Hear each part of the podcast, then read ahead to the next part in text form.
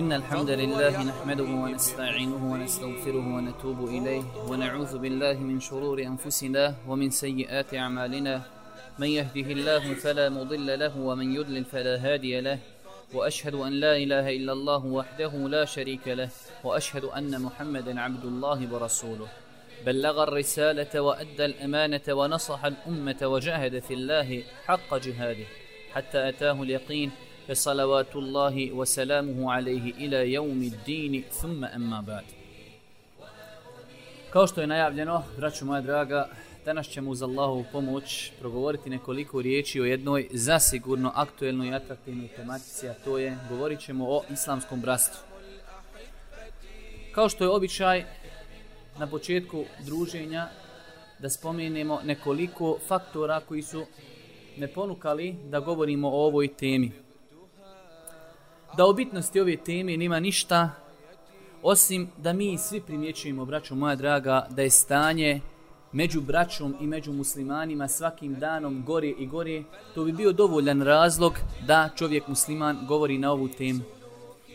Znači, da nema drugog razloga osim taj razlog da je primjetno svakim danom da je stanje među braćom i među muslimanima općenito svakim danom gore i gore, to bi bio dovoljan faktor, do, dovoljan razlog da čovjek govori na ovu temu. Svi mi zasigurno se rado prisjećamo dana kada smo osjećali pozitivne posljedice ovog islamskog načela na svojoj koži. Nekada smo mi zasigurno svi imali braću koja su se suosjećala s nama i u dobru i u zlu. Imali smo braću koja su bila da koja su bila spremna da nam pomognu u svakom dijelu dana i noći shodno njihovim mogućnostima. Imali smo ljude s kojima smo zajedno radili za Allahovu subhanahu wa ta'ala vjeru. Ali s vremenom je to, braćo moja draga, u velikom broju slučajeva izblijedilo. Nekada su ljudi, zasigurno, ovo govorim iz ličnog iskustva, a sigurno svako od vas ima mnogo primjera, nekada su ljudi, gledajući ljude, kako praktikuju ovaj veliki islamski princip, bratstvo u islamu, prihvatali islam i prihvatali davet. Kada vide kako se ljudi vole, a nemaju za tu ljubav razloga osim vjerskog, nikakvog dunjalučkog razloga, ljudi su prihvatali islam i misionarstvo zbog toga što su vidjeli praktično sprovođenje islama u svakodnevnom životu. Nažalost, toga danas nema. Danas ćemo vidjeti na svakom koraku razjedinjenost. Danas ćemo vidjeti na svakom koraku razjedinjenost, podjele, vrijeđanja, psovanja, potvore, a to, braćo moja draga, zasigurno je samo plod nedostatka ovog velikog islamskog principa i načela. Koliko je samo ljudi koji, koji su neispravno shvatili ovo islamsko veliko načelo, bratstvo u islamu. Pa ćemo vidjeti da postoje ljudi i to u velikim brojevima da su shvatili da mu je brat samo onaj ko razmišlja kao on, ko izgleda kao on, ko se nosi kao on, ko razmišlja kao on, ko dolazi na ista predavanja kod istog čovjeka, ta je brat musliman. Nažalost, braćo moja draga, to je to je ubjeđenje kod velikog broja ljudi, a žalosno je to da je to ubjeđenje neispravno. Na svakom koraku je primijetna isključivost. Čovjek samo u jednom segmentu vjeri, ako se ne slaži s tobom, čovjek se marginira i čovjek se isključuje iz igre. Pa makar za ono što zastupao imao dokaz iz Kur'ana i sunneta, makar to bio zvanični stav velikih islamskih učenjaka, ljudi se marginiraju, ljudi se križaju, ljudi se odbacuju. Nerijetko se takvi ljudi nazivaju pogrdnim izrazima. Pogledajte, braćo moja draga, samo koliko je ovaj islamski princip zapostavljen, islamsko bratstvo, do te mjeri da je to prouzrokovalo da su muslimani, iako jedan od najbrojnijih naroda na zemaljskoj kugli, postali najbjedniji narod. Muslimani su postali najbjedniji narod. Na svakom koraku se ubijaju muslimani. Muslimani nakon što su bili vodiči svijeta u svakom pogledu, došli su na taj nivo da su postali žrtve najnemoćnijih i najslabijih naroda, a da ne govorimo kako su žrtve velikih i moćnih naroda. Pogledamo li u ummet, vidjet ćemo da je ummet razdijeljen. Razdijeljen je geografski. Dosta puta ćete naći dvije muslimanske zemlje ratuju jedna protiv drugi. Pogledamo li također u stanje ummeta, vidjet ćemo da se ljudi mnogo puta voli, ali ne radi Allaha subhanahu wa ta'ala. Pa ćete vidjeti, Egipćanin voli Egipćanina samo zato što je iz Egipta. Bosanac voli Bosanca samo što je iz Bosni. Albanac voli Albanca samo zato što je iz Albanije. Ljudi se vole zato što ih spaja ista boja koži, pa bijelac voli bijelca, a crnca preziru. Crnac voli crnca, a prezire bijelca. Je li to, braćo moja draga, ono čemu nas uči Islam? Zasigurno, zasigurno je malo oni koji vole ljude iz jednog razloga. A to je zato što su muslimani. Zato što obožaju istog gospodara. Zato što padaju na seđdu istom gospodaru. Pa makar se u nekim stvarima i razlikovali. Nemoguće je, braćo moja draga, tražiti da svi ljudi isto razmišljaju, da svi ljudi imaju iste vizije i da svi ljudi imaju istu jačinu, jačinu imana. Ali, ako čovjek ima osnove, ako ima temelj, ako je musliman, zašto da ga ne volimo? Zato kažemo, muslimani su zbog tog postali žrtve najnejačih i najbjednijih naroda. Pogledajte samo šta se dešava muslimanima u Palestini. Muslimani ummet kada bi se sabrao i svi kada bi samo pljunuli na Izrael, oni bi se utušili. A muslimani su postali žrtva Izraela. Najbjednijeg i najprokletijeg naroda na zemlji postali su muslimani žrtve. Zašto, braću moja draga, sve to zato što smo ostavili bratstvo. Koje je bratstvo? Ono bratstvo koje traži od nas islam nikakvo drugo bratstvo, samo ono koje Islam traži od nas. Pogledamo li na svjetsku scenu, vidjet ćete, braćo moja draga, na svjetskoj sceni se poštuju ko? Samo oni koji su jaki. Samo oni koji su moćni, samo oni koji su zajedni. Nekad je to bio Sovjetski savez, sada je to Amerika, sjedinjene američke države. Braćo moja draga, na svjetskoj sceni se poštuje samo onaj koji je jak. Zašto su muslimani marginirani? Zato što su razjedinjeni. Muslimani su razjedinjeni u svakom pogledu, geografskom, duhovnom, vjerskom, političkom i svakom drugom pogledu muslimani su razjedinjeni. I sigurno je, braćo moja draga, da muslimani ne mogu povratiti ugled i snagu koju su imali osim ako se vrati Allahu vjeri i ako se vrate bratstvu onom bratstvu koje od njih islam traži. Onom bratstvu koje je učinilo Arape nakon što su bili čobani deva i ovaca i koza da su postali vođe svijeta u svakom pogledu. Ono bratstvo koje je učinilo Arape koji su tako bili raštrkani i razbacani da su u jednom periodu koji za historiju ne predstavlja ništa, srušili dvije najveće vele sile tog vremena. Zašto? Nakon akide, ispravnog vjerovanja, bratstvo i zajednica je učinila muslimane, Arapa, Arape, da su postigli to što su postigli. Koliko je bitna ova stvar, braćo moja draga, govori nam jedan veoma bitan detalj. Svi ga mi znamo, ali ne razmišljamo o njemu kada je došao Boži poslanik sallallahu alaihi wasallame u Medinu. Na čemu je, braćo moja draga, izgradio svoju državu? Svi mi to znamo, ali ne razmišljamo o. Izgradio je svoje temelje, svoje državi na dvije stvari. Izgradio je onu gore džamiju i izgradio je šta? Pobratio je između Ensarija i Muhađira. Zašto džamija? Da bi ljudi obožavali gospodara.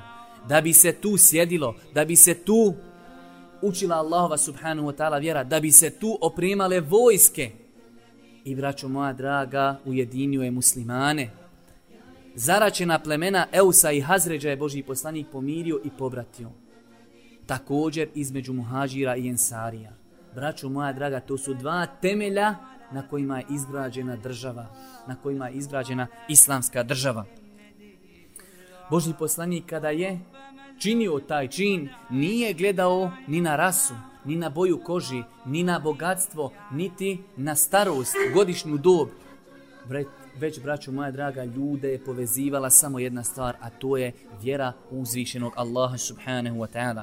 Zato ćemo vidjeti da su oni postigli neke stvari koje mi kada čitamo tako mi uzvišenog Allaha mislimo da su to mitovi. Ono što se piše o njima, a došlo je u najvjerodostojnijim zbirkama, mi da nismo to čuli, da je u tim zbirkama kazali bi to je mit, to je legenda. Oni su, braćo moja draga, živjeli po riječima Allaha subhanahu wa ta'ala innemel mu'minune ihva. Zaista su mu'mini braća. I tako su oni živjeli i tako je ta medinska država funkcionisala i zato je postigla ono što nije postigla ni jedna druga država kroz cijelu historiju čovječanstva. Nikada niko to nije postigao što je postigla Medina. Zašto? Zato što se temelji te Medine izgradili na džamiji i na bratstvu. Oni su, braću moja draga, ovaj kuranski ajet koji mi dosta puta slušamo u suri Huđurat i nenel mu'minune ihva. Zaista su vjernici, braća, oni su ga sproveli u praktičnom životu, a mi ga samo učimo na svojim jezicima. Zato kažemo, oni u tom segmentu života i u drugima naveli su takve primjere kakve čovječanstvo nije zapamtilo. Zapamtite, braćo moja draga, te primjere koji ćemo naći u toj državi ne možete naći ni u jednoj civilizaciji, niti u jednoj drugoj državi. Prije islama, niti posle islama. Nemoguće. Nemoguće, braćo moja draga. I zato kažemo da te stvari nisu prenešene najvirodostojnijim lancima prenosilaca, mi bi pomislili da su to mitovi. Ali nam je obaveza da vjerujemo u njih zato što su prenešene u najvjerodostojnijim zbirkama hadisa. Svima je nama poznat događaj Abdurrahmana ibn Aufa i Sad ibn Ebi, Sad ibn Rabije, radijallahu ta'ala anhu. Ali spomenut ćemo taj događaj, braćo moja draga, zašto? Zato da bi se zaustavili malo i razmislili o njemu. Da bi napravili komparaciju između našeg hala i njihovog stanja. Braćo moja draga, ne smije nam dosaditi nikada spominjati ove primjere. Moramo ih spominjati svakim danom kako bi se u našim srcima probudila želja za takvim stvarima. Prenosi i Buharija i Muslim. Zamislite, ova predaje kod Buharije i Muslima. Da nije kod njih, čovjek bi svašta pomislio. Kaže Abdurrahman ibn Auf, došao sam u Medinu, pa je Boži poslanik sallallahu alaihi wa sallam pobratio između mene i između Sad ibn Rabi'i, radijallahu ta'ala anhu. Sad ibn Rabi'a je bio jedan od najbogatijih stanovnika Medine, pa kaže Abdurrahmanu ibn Aufu, ja, ja sam naj, među najbogatijim stanovnicima stanovnika od stanovnika Medine. Pa ćemo popoloviti moj imetak, pazite koliko mu je dao. Pa ćemo popoloviti moj imetak. Ja imam dvije žene, idi pogledaj koja je ljepša. Nije rekao, idi pogledaj koja je ružnija. Idi pogledaj koja je ljepša pa ću ja razvesti, pa kada istekne njen priček, idet, ti je o ženi. Jedna stvar. Pogledajte druge stvari. Široko grudnost Abdurrahmana ibn Aufa je rekao, daj, kaže, barakallahu leke fi ehlike wa malike dulleni ala suk. Allah ti podario blagoslov u tvojoj porodici i u tvom imetku. kaži ti meni gdje je pijaca, ja ću raditi. Kod ovog primjera treba da pogledamo ovaj primjer sa dvije strane. Prva strana, pogledajte koliko je Sad ibn Rabija bio spreman dati svome bratu. Wallahi, wallahi, mi ne bi bratu po krvi dali pola imetka. Sutra da tvoj brat po krvi, koji je musliman, zadesi ga musibe da ostane bez imetka, ne bi mu dao pola imetka. Sigurno niko od nas ne bi. A pogledajte šta je on uradio. Čovjeku kojeg nikada do juče nije znao. Danas dolazi samo što je rekao Ešhedu en la ilaha illa Allah. Pola imetka. Ljepšu ženu tebi dajem. To je samo jedan aspekt s kojeg možemo gledati taj događaj. Pogledajte drugi aspekt. Zamislite da neko sada tebi dođe, jedan od najbogatijih ljudi u Sani, pa ti kaže imaš pola imetka i imaš jednu od mojih žena koja ti se više svidi. Kako bi se mi ponašali? Da li bi neko kazao Allah te nagradio, gdje ti meni kaži gdje je pijaca? Braćo moja draga, zato su oni postigli to što mi govorimo. Zato te stvari ne možete naći ni u bajkama. Ovo se može samo naći kod muslimana. Pogledajte nas. Dođeš čovjeku i kažeš mu daj mi biciklo, samo da odem plati struju, brzo ću se vratiti. Pa on jadnik znoj ga probije, on bi nešto da ti slaže, ali zna grije slagati. Ali on bi nekako da ti to ne dadne, nekako mu teško u grudima da ti uzmeš točak pa da odeš da platiš struju. A da ne govorimo o autima. Koliko puta sam slušao brata kad kaže meni auto kad neko uzme kaže ja dok sjednim u njega odmah osjetim da sam ga nekom davu. Ne uzubila. Wallahi to je problem s aspekta akidi.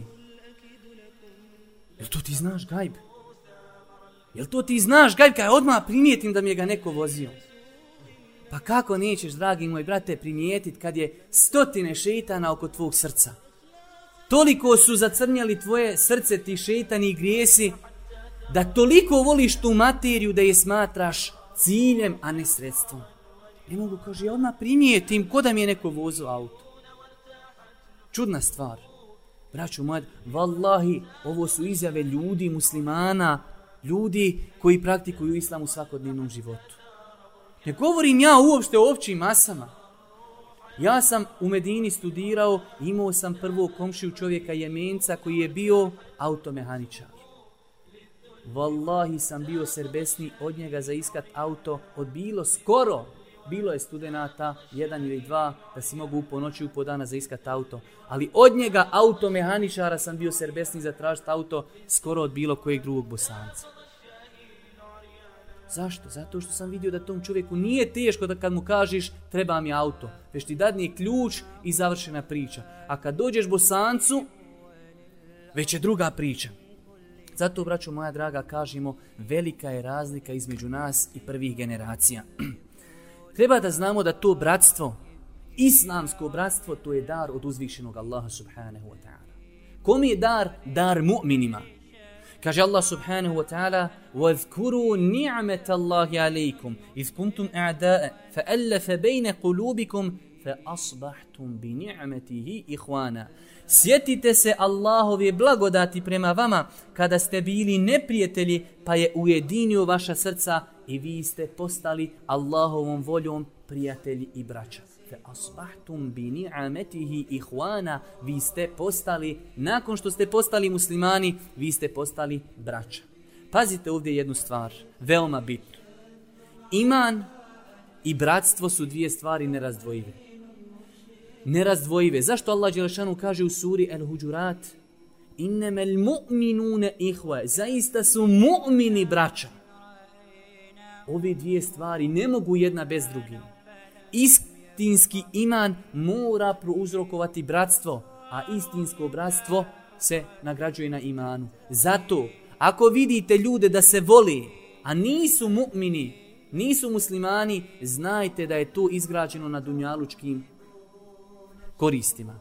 A ako vidite ljude koji kažu za sebe da su mu'mini, a ne voli braću muslimane, vallahi, po ovim kuranskim ajetima veliki upitnik je na njihovom imanu. Ko čovjek kaže ja sam mu'min, a ne voli braću muslimane, veliki je upitnik na njegovom imanu. Ne kažemo ne uzubila da je nevjernik, ali potpunost imana kod njega nije, nije ovaj u tom slučaju. Taj čovjek je daleko od potpunosti imana. Zato, braću moja draga, u nastavku druženja pokušat ćemo kratko, ako Bog da, da ne dužimo, spomenut ćemo neka prava brata muslimana kod brata muslimana. Dobro svoja srca okrenute i dobro svoja uš i svoje uši otvorite. Da čudnite ove stvari i pokušajte i u svakodnevnom životu praktikovati. Znajte, braćo moja draga, možda ćete nekada pomisliti da se ove riječi odnose na nekog u Zenici ili u Sarajevu, ali znajte da su ove riječi upućene nama. meni pa svima vama ovdje bez Sarajeva i bez Zenici. Zato dobro slušajte. Prvo pravo brata muslimana kod brata muslimana jeste da ga voliš u ime Allah. Brat musliman koji izgovara šehadet, koji pada Allahu subhanahu wa ta'ala zajedno s tobom u istom safu, istom gospodaru, ima pravo da ga voliš. I to je pokazatelj potpunosti imana. Poslušajte riječi Allahovog poslanika koji zabilježu imam Ebu Davud sa vjerodostojnim lancem prenoslaca od Ebu Umami radijallahu ta'ala. Kaže Boži poslanik Men ehabbe lillahi wa abgada lillahi wa a'ta lillahi wa men'a lillahi faqad istekmele al iman. Kaže Allahu poslanik sallallahu alihi wa sallam Ko voli u ime Allaha Ko mrzi u ime Allaha Ko daje u ime Allaha Ko uskraćuje u ime Allaha, ta je upotpunio svoj iman. Braćo moja draga, evo Božji poslanik nam je dao vagu kako možemo vidjeti jesmo li dostigli mi potpunost imana. Onaj ko voli u ime Allaha. Ko voliš nekog, postavi sebi pitanje zašto ga volim? Je li ga volim zato što bi ga sutra mogo iskoristiti? Ako nekog mrziš, postavi sebi pitanje zašto ga mrziš? Je li ga mrziš zato što je bogatiji od tebe? Je li ga mrziš zato što je boljeg ahlaka od tebe? Ako nekom nešto daješ, postavi sebi pitanje zašto si dao? Ili daješ radi Allaha? Ili daješ da bi sutra neko rekao jest ovaj džometa? Ako nekom ne daš nešto, opet pitanje zašto ne daš? Je li ne daš zato što ga mrziš? Je li ne daš radi Allaha subhanahu wa ta'ala? Tako možemo, braću moja draga, provjeriti svoj iman. Tako nam je Boži poslanik sallallahu alihi wasallame preporučio da isprobamo je li naš iman potpun ili nije. Pogledajte, braću moja draga, zašto mi ljude volimo? Neka svako sebi postavi pitanje zašto voliš ljude? Je li voliš ljude zato što razmišljaju kao i ti? Je li voliš ljude zato što su identičnog izgleda kao i ti? Je li voliš ljude zato što su tamo negdje na nekom papiru istog mezheba ko i ti? Je li voliš ljude zato što slušaju predavanja koja i ti slušaš? Je li voliš ljude zato što su iz iste države iz koje si ti? Braću moja draga, čovjek treba ako voli da voli Allaha radi. Koliko puta se dešaje? Vjerujte, braćo, da se dešaje. Vjerujte da se dešaje samo zbog jedne stvari, ako čovjek nije identičan onome na čemu si ti, taj čovjek se marginira. Taj čovjek se marginira.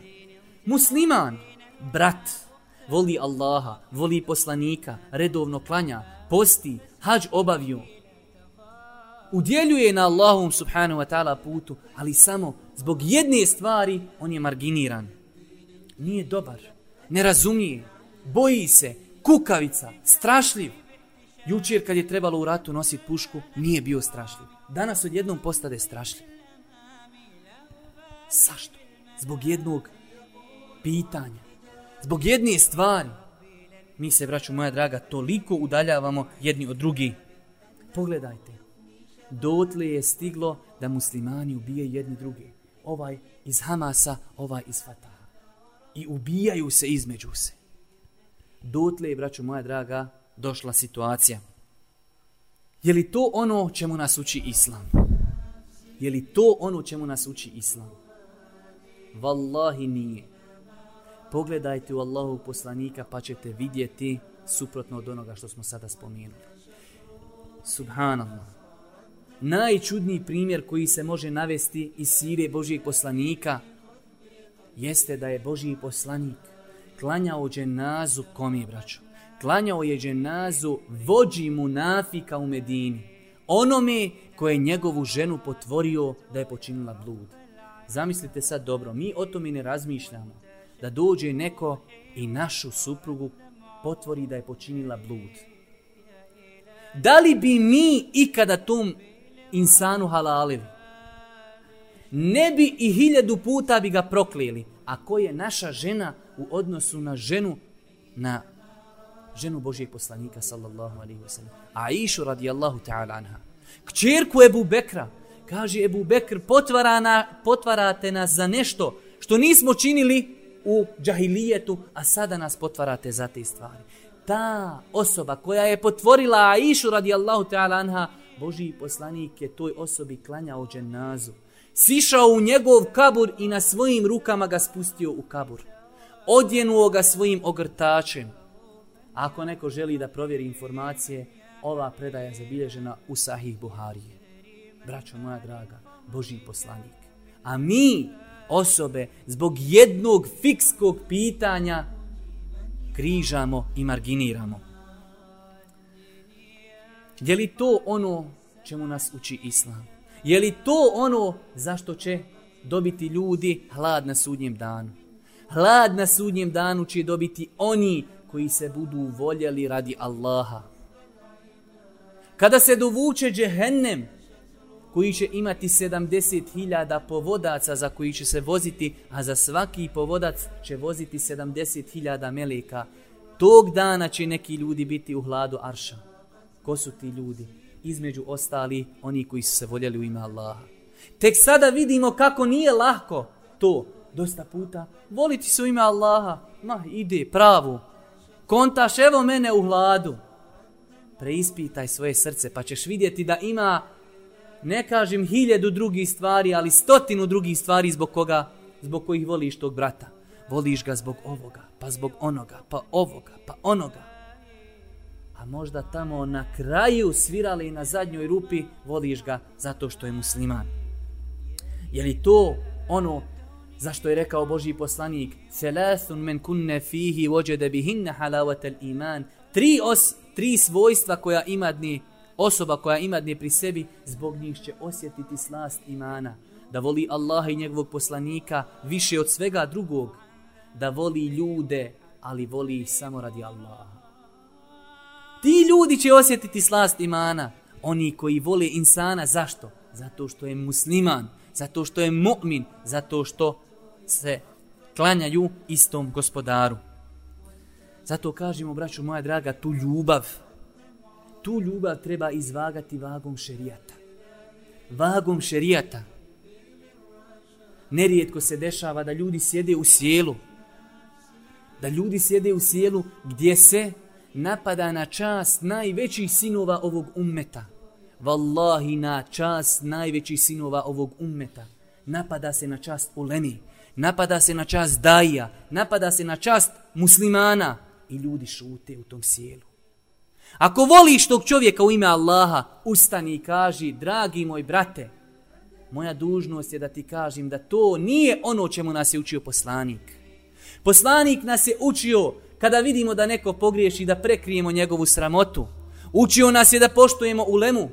Učio nas je Boži poslanik sallallahu alaihi wasallam da praštamo jedni drugima. Da branimo čast brata muslimana. Tome nas je učio poslanik sallallahu alaihi wasallam i obećao je nagradu. Koju nagradu? Da osoba koja odbrani čast brata muslimana, da će Allah subhanahu wa ta'ala odbraniti njegovu čast na sudnjem danu, da će ga prozvati i kaže izvoli koju hoćeš huriju izaberi sebi. Zašto? Zato što si odbranio čast brata muslimana, a vidjet ćete u nastavku kolika je čast brata muslimana.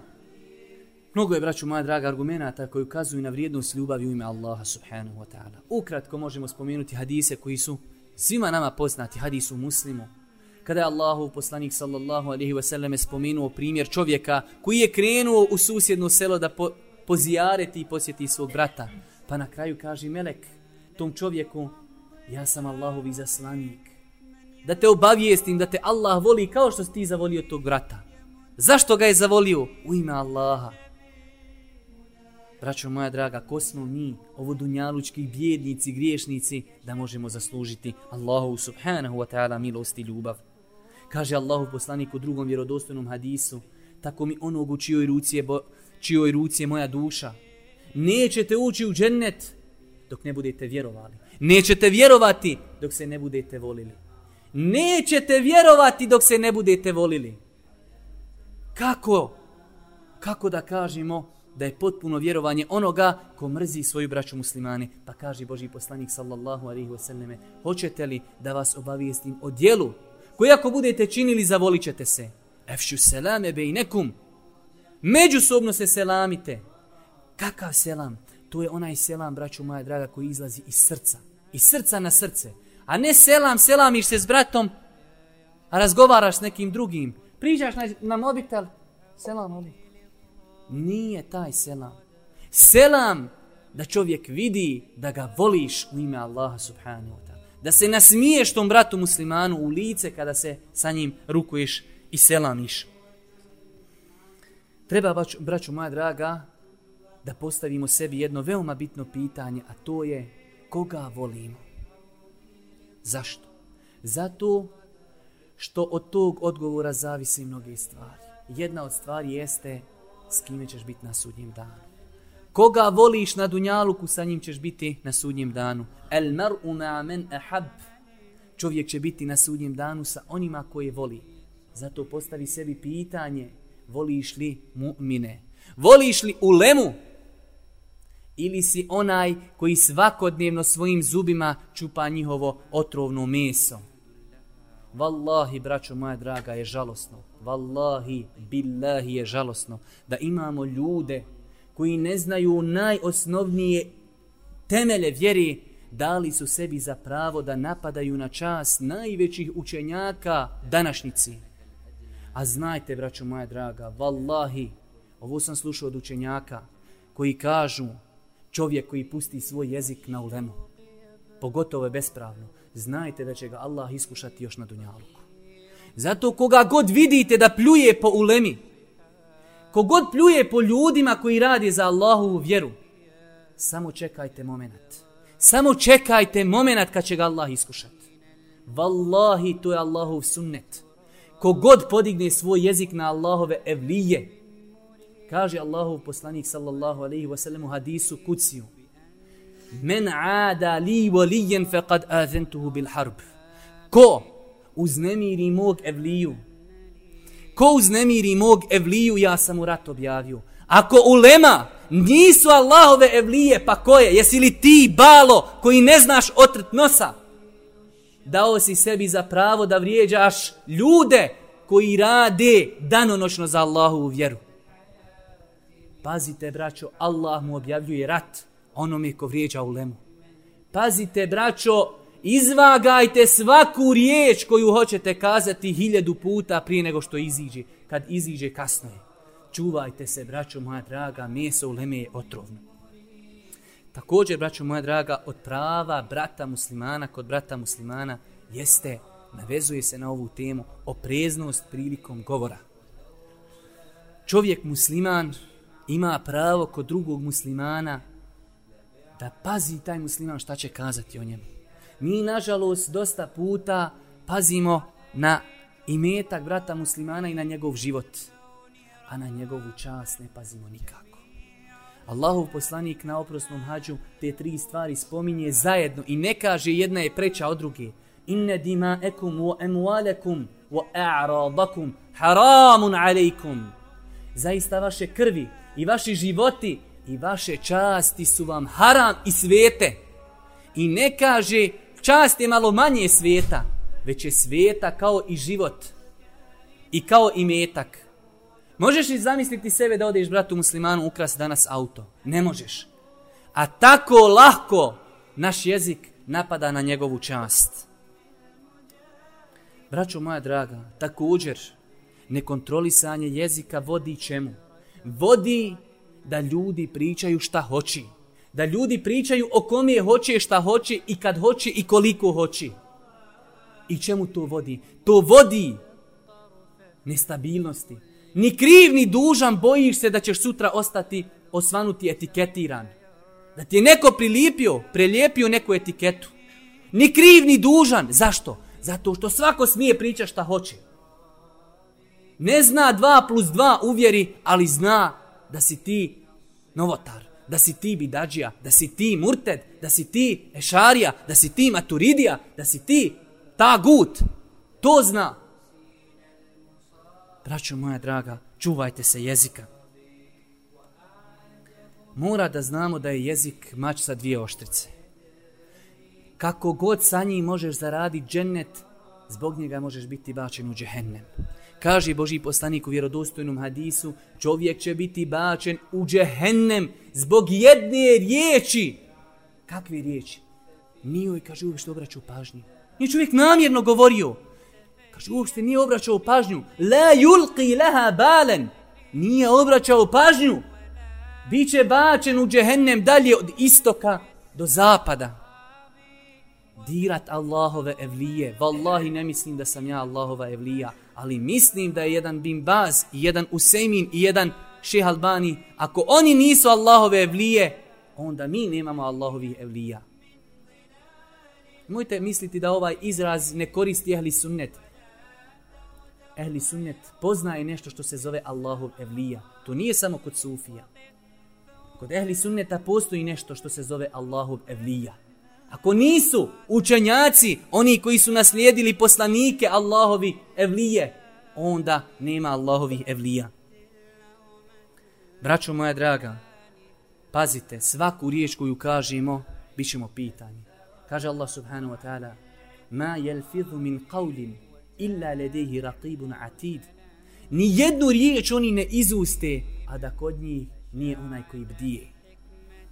Ma li hazel kitab Što ne učimo u suri Keh svakog petka? Mali hazel kitab la yugadiru sagiraten wala kebiraten illa ahsaha Kad se dođe na sudnji dan, spisak dug koliko oči mogu vidjeti i to 99 takih spisa. Kaže se u suri Kef, šta je ovoj knjizi, nije izostavila ništa ni sitno ni krupno, sve zabilježeno. Svaka riječ koju si kazao, meleki su je pribilježili. Ako si je zaboravio, juče si je rekao, a danas zaboravio, meleki nisu zaboravili zapisat. Pazi, za svaku riječ pripremi dževab i odgovor Allahu subhanahu wa ta'ala. Pogledaj riječi Božijeg poslanika, jasne, kratke, precizne. Men kane yu'minu billahi wal yawmil akhir, falyaqul khayran aw liyasmut. Ko vjeruje u Allaha i sudnji dan. Pazite, čime Allahu poslanik počinje ovaj hadis? Imanom. Ko vjeruje u Allaha i sudnji dan, neka govori dobro ili neka šuti. Nema mu'min opcije osim ove dvije. Ili šuti ili pričaj korisno. Nema treće. Da je bila treća, vallahi Boži poslanik bi na nju ukazao. Ili ono što govoriš je hajr. Ili je šar. Ili je hajr. Ili je zlo. Zato kada hoćeš govoriti, pazi šta ćeš govoriti. Pogledajte. Pogledajte šta je islam. Pogledajte šta je ahlak. Nažalost, imamo ljude koji kažu da se danas pojavila skupina koji se zovu ahlakije. Oni koji pozivaju u ahlak. La ilaha illa. Koda je Allahov poslanik pozivao u nešto drugo. Kaže Allahov poslanik, ja sam poslan da bi upotpunio plemenite čudi kod vas vaš ahlak. Pa mu Allah subhanahu wa ta'ala svjedoči wa innaka la ala khuluqin azim zaista si ti lijepog morala i ahlaka. A Iša radijallahu ta'ala anha kaže njegov ahlak je bio Kur'an. Pogledajte šta poslanik kaže da je najljepši islam. Kažu jedne prilike Božijem poslaniku Ejul islami afdal. Koji je najbolji islam o Allahov poslaniće? Men selime muslimune min lisanihi vo jedihi, najbolji musliman je onaj od čijeg jezika, pazite, na prvom jeziku je, na prvom mjestu od jezika, onaj musliman od čijeg jezika i ruku su sigurni ostali mu'mini. To je najbolji islam, to nisu moje riječi, već riječi Božijeg poslanika. Najbolji islam je da su braća muslimani koji žive oko tebe sigurni. Postavite sebi pitanje, Jesi li siguran od brata muslimana? Postavi sebi pitanje jesu li tvoje komšije sigurne od tebe? Pa ćeš dobiti odgovor. Nažalost, mi živimo u vremenu kada postoji druge vage. Ova vaga poslanikova je prije 1400 godina. Ahlakije. Oni koji pozivaju ahlak. Imamo sad nove vage. Sad su najbolji oni koji najviše bljuvotina iznosi. To su najbolji. Ti su najhrabriji. Oni su najhrabriji. kada je trebalo dokazivati hrabrost na način kako se ona dokazuje, takvi su bili negdje gdje se nije dokazivala hrabrost. A danas, kada se hrabrost dokazuje na jedan drugi način, tada su oni postali najhrabriji zbog svojih jezika, zato što njima blate Allahove evlije. Wallahi čudan zeman. Wallahi čudan zeman. Zato, braću moja draga, čuvajte svoje jezike. Čuvajte svoje jezike da ne uvrijedite svojim jezikom Allahovog evliju, a kada uvrijedite Allahovog evliju, eto vam rata od Allaha subhanahu wa ta'ala. Wallahi, da ti jedan policajac udari dva šamara, sve bi mu ispriču. Da ti neka država objavi rat, propo bi u zemlju da ne dođe do toga, a zamisli rat ti objavljuje uzvišeni Allah. Postavi sebi 300 pitanja prije nego što progovoriš, jer kad progovoriš, ta riješ postaje vlasnik tvoj. Poslušajte ovaj hadis. Hadis, čiju vjerodostojnost je potvrdio šeha Albani rahmetullahi alihi u više svojih knjiga od Bera ibn Aziba radijallahu ta'ala anhu, da je Boži poslanik kazao Er riba ithnani wa sab'une baba. Ej seruha mithle itjanu ređuli ummehu wa arba riba en jestatila ređulu ala irdi ahihi istitaletu ređuli fi irdi ahihi. Kaže Allahu poslanik. Kamata ima 72 poglavlja. Najmanje poglavlje kamate je kao da neko od vas spolno opći sa svojom majkom. A najveći vid kamate je da neko udari na čast brata muslimana. Ste dobro čuli ovaj hadis? Najveći vid kamate je da udariš na čas brata muslimana. Koliko mi pazimo se, inša Allah, svi, da ne odemo u banku pa da poslujemo kamatu. Nećemo feninga. A hoćeš čas brata muslimana koja je najveći vid kamati. Arba riba, najveći vid da udariš na čas brata muslimana. Ste vidjeli kolika je čas muslimana? A jeste vidjeli kolika je kod nas? Wallahi, kod nas je čast koke, kokoške veća od časti brata muslimana. Koliko puta sjedimo u sjelima gdje se čast braće muslimana nije u lemi, već braći, žao mi je što moram reći obični, i ja sam obični insan, ali u porođenju na ulemu mi smo obični insani. Kada se čast brata muslimana, običnog brata, oskrnavi, ustani i podigni svoj glas. Pokaži da u tvom srcu ima imana, i da se ne slažiš s time. Da ti je rođeni brat. Kaže, dragi moj brate, nemoj, nemoj. Također, braćo moja draga, vezano za ovu temu jedan lijep primjer. Abdullah ibn Mubarak, poznat svima vama, veliki abid, veliki zahid, veliki muđahid, veliki učenjak, veliki pobožnjak. Jedne prilike u njegovoj blizini je bio čovjek koji je ogibetio jednog brata muslimana. Pa pogledajte mudrosti Abdullah ibn Mubaraka. Kaže, dragi moj brate, jesi li ti ikada učestvovao u boju protiv Rimljana? Kaže, nisam. Jesi li ikada, kaže, se borio protiv Perzijanaca? Nisam. La ilaha illallah, kaže. Od tebe su sigurni Rimljani i Perzijanci, a nisu sigurni od tebe braća muslimani. Tako mi danas imamo ljude Od njega je svako siguran osim brat musliman. Kada sam čuo izjavu juče da ima daija koji kažu nama nije Amerika neprijatelj niti židovi, nama su neprijatelji oni koji nose brade, onda sam zaista ostao za prepašte. Zaista sam ostao za prepašte. Također, braću moja draga, od prava brata muslimana prema bratu muslimanu jeste da mu čovjek pomog, shodno njegovim mogućnostima. Mu'min musliman žudi da pomogne svom bratu muslimanu. Shodno svojim mogućnostima. Ali u njegovom srcu postoji volja da pomogne bratu muslimanu. Zašto? Zato što on traži Allahovu milost. Traži Allahovu zadovoljstvo i traži Allahovu nagradu traži u tome Allahovu pomoć.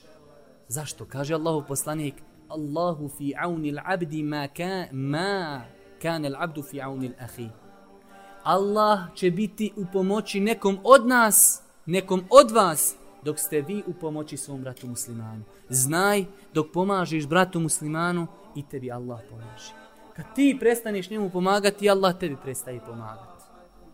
S druge strane, braćo moja draga, nerijetko se dešava da mi svi imamo potreba.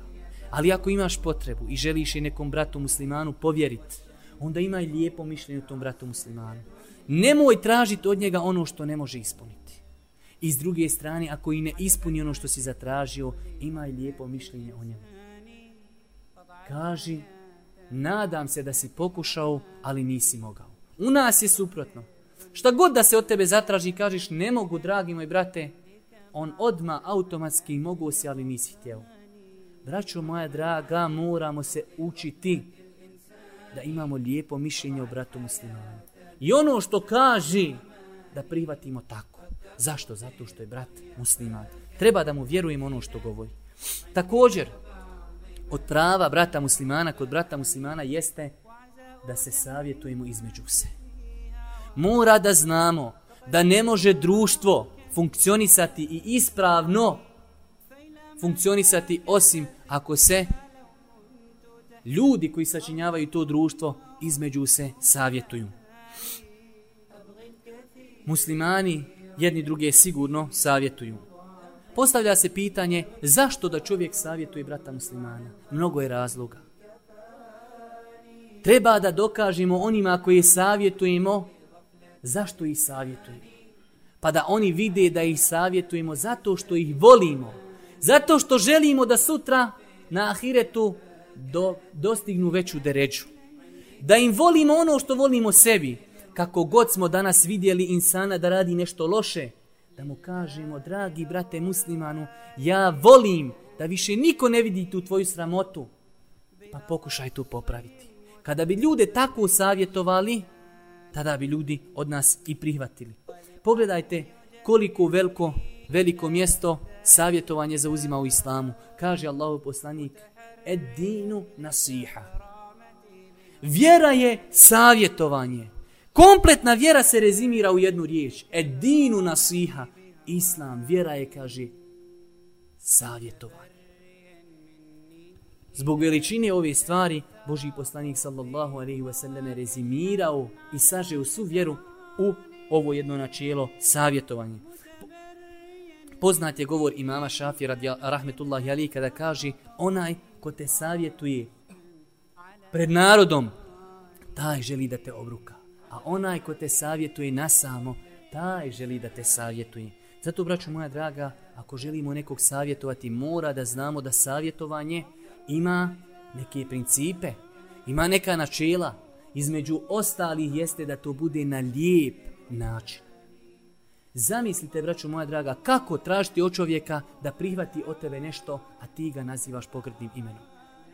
Ti mu se obraćaš na ružan način, osorno, grubo, teško je zamisliti da ljudi prihvati tako nešto. Pogledajte samo Allahu poslanika.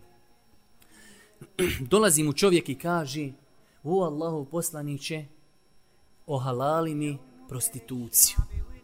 Zamislite da neko nas sada na ulici dobro namjerno s njegovu pogleda i aspekta zaustavi i kaže može li se ikako u tom šedijatu naši neka olakšica pa da ja mogu bludničiti kako bi se mi ponašali?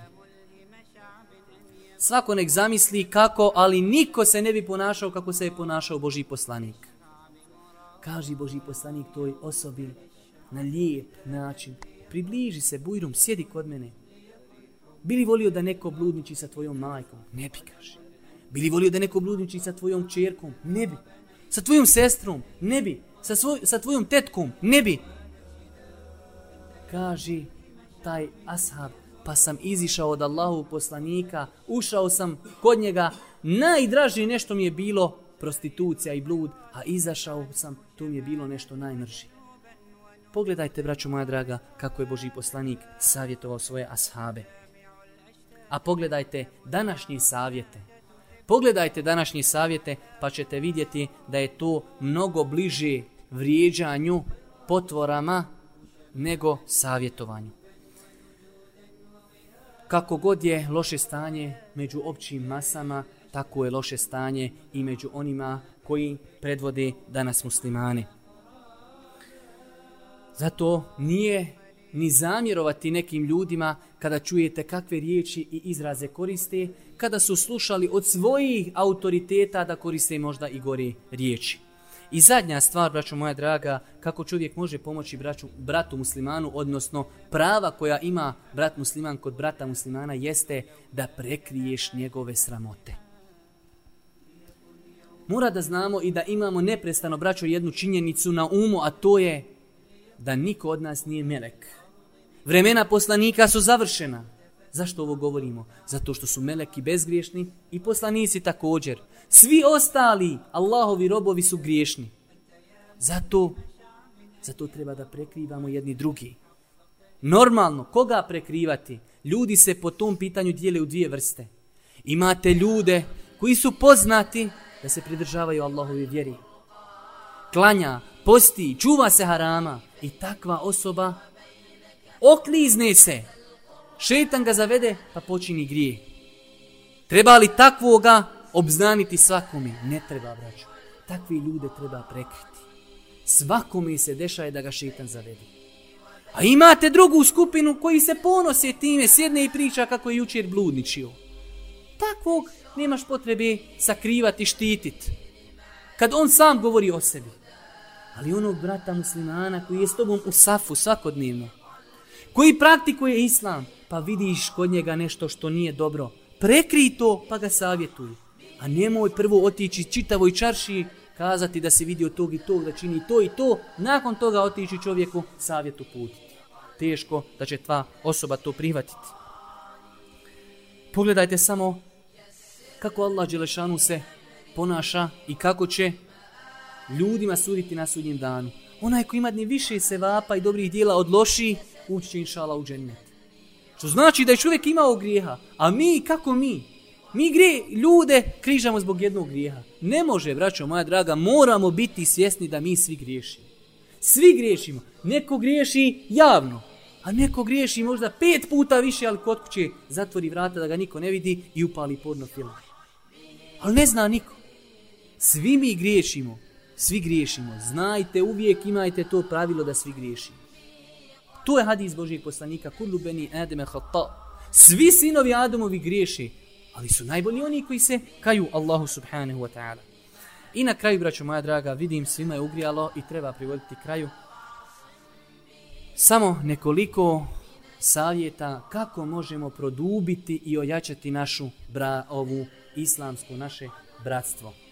Ukratko, spomenut ćemo, ako Bog da, šest stvari i time ćemo završiti ovo naše predavanje. Prva stvar, ako nekog voliš, ako nekog voliš u ime Allaha subhanahu wa ta'ala, onda se ponašaj onako kako je, sun, kako je sunnet i kako je Boži poslanik preporučio. Šta je preporučio Boži poslanik? Da toj osobi kažeš da ga voliš. Zamisli, brate, dođe ti danas neko i kaže ti, brate, ja te volim ime Allaha. Možda nisi znao do juče da te voli i možda ga nisi toliko volio, ali kada ti dođe i kaže ja te volim u ime Allaha. Kakvo tvoje srce treba da bude prljavo pa da ne zavoliš tu osobu. Pogledajte kako nas lijepim stvarima uči Allahu poslanik. On je to preporučio i riječima, a i praktikovao djelom. U hadisu kojeg je zabilježio imam Ebu Davud sa vjerodostojnim lancem prenosilaca kaže Allahu poslanik sallallahu alaihi wasallame kada neko od vas zavoli svoga brata, neka mu kaže da ga voli. A praktično nam je to pokazao kada kaže Muazu, ja Muaz, wallahi inni le uhibbuk. O Muaze, tako mi Allaha, pogledajte, klijete se Allahu poslanik. Onaj koji kada se ne zaklijete, njegov govor je najiskreniji i najistinitiji. Kaže, o Muaze, tako mi Allaha, ja te volim. Jednog dana sjedi Boži poslanik sa ashabima, pa prolazi jedan čovjek, kaže jedan ashab Božijem poslaniku, o Allahu poslaniče, ja onoga volim. Kaže, si mu kazao? Nisam. Idi, kaže, kaži mu. Pa je otišao, pa mu je kazao, pa kaže taj ashab, ehabbeke haddeke levi ahdebteni lehu, zavolio te onaj zbog koga si me ti zavolio. Druga stvar, kako jačati naše bratstvo, jeste, braću moja draga, smijeh na licu vedrina ozarenu s lica. Sretniš brata ne uzu billahi ko da mu svaki dan pomrije po tri, četiri člana u njegove poroci i to uži. Namrgođen, namrgođen. Ne bi se nasmio kad mu dao sto maraka. Pa jel nas tome uči islam, braćo moja draga? Nasmio se on za sto maraka, 15 dana se smiju, znam ja to. Mi smo takvi, kod nas samo u šuškama. Što je za ahiret, pusti ahiret. Ima lišta na dunjaluku, u kešu. Kaže Boži poslanik sallallahu alaihi wasallam Ebu Zeru, La tahqiranne min al ma'rufi še'a. Nemoj prezirati od dobrih dijela ništa, pa makar da brata muslimana sretniš ozarenog i veselog lica. To je dobro dijelo, braćo moja draga. A s druge strane, to će ujačati naše veze. Kad vidiš brata, on ti se nasmiješi sa srca. Ne ono nasilu, sam da vidiš zube.